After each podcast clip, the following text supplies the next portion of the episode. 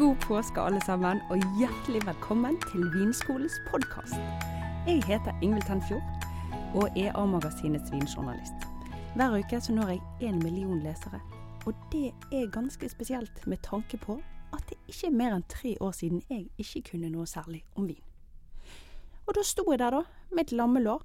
Jeg er ganske god å lage mat, jeg må kunne si det, men jeg opplevde det som veldig vanskelig å bli god på vin.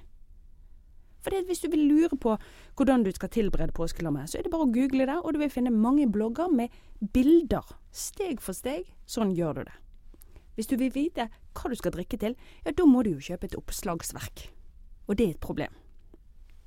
Vi i avisene, vi hjelper deg jo litt ved å legge ut mange artikler nå som er 'Dette er årets påskeviner', eller lammeviner. Problemet er bare at ingen forklarer hvorfor disse vinene er gode til lam. Og da er du jo like langt, er du ikke? Og akkurat den frustrasjonen der, av å ikke forstå, av å ikke lære å gjøre egne gode valg, det var en av de tingene som frustrerte meg så voldsomt at jeg endte opp med å si opp jobben min for å lære meg så mye jeg kunne om vin. Vel, la oss begynne med lam. Lam er et kjøtt som er vidunderlig i Norge. Det er en vidunderlig råvare, og det som er fint, det er at det skal litt til for å gjøre det gale. Men det har mye smak, og det har mye fett.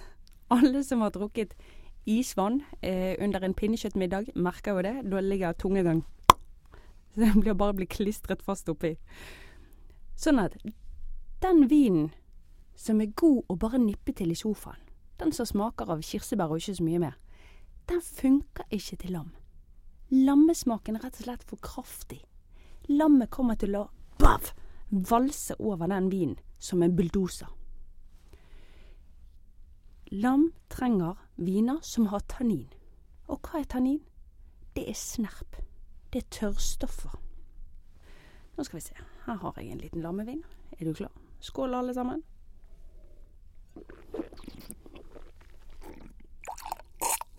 Ja, jeg spytter. Det hadde ikke dere trodd. Ta en slurk rødvin, og så kjenner du at du blir liksom tørr i munnen. Kan du kjenne at du blir tørr på oppsiden av gommene? Ta en slurk til og prøv.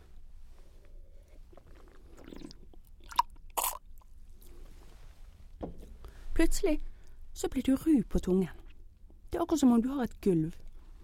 Innsiden av kinnene dine blir tørre. Og den type viner, som bygger et lite hus inni munnen din, de trenger du til lam. For inni det lille huset, der skal lammet bo. Så, ikke vær redd for tannin. Gå på polet, si at du trenger en vin med litt snerp. For sammen så blir de mer enn bare seg sjøl. Dette er et klassisk eksempel på en mat- og vinkombinasjon der to pluss to blir fem. I møte med lammet så vil den snerpen bli mykere. De vil bare bygge hverandre opp. Og resultatet er fløyelsmykhet og intens nytelse. Synes du det er litt skummelt å skulle gå på polet og be om en lammevin med mye snerp? Vel, da gir jeg deg noen snarveier her.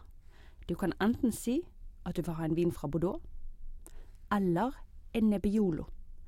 Eller så går du for klassisk spansk Rioja. Lykke til!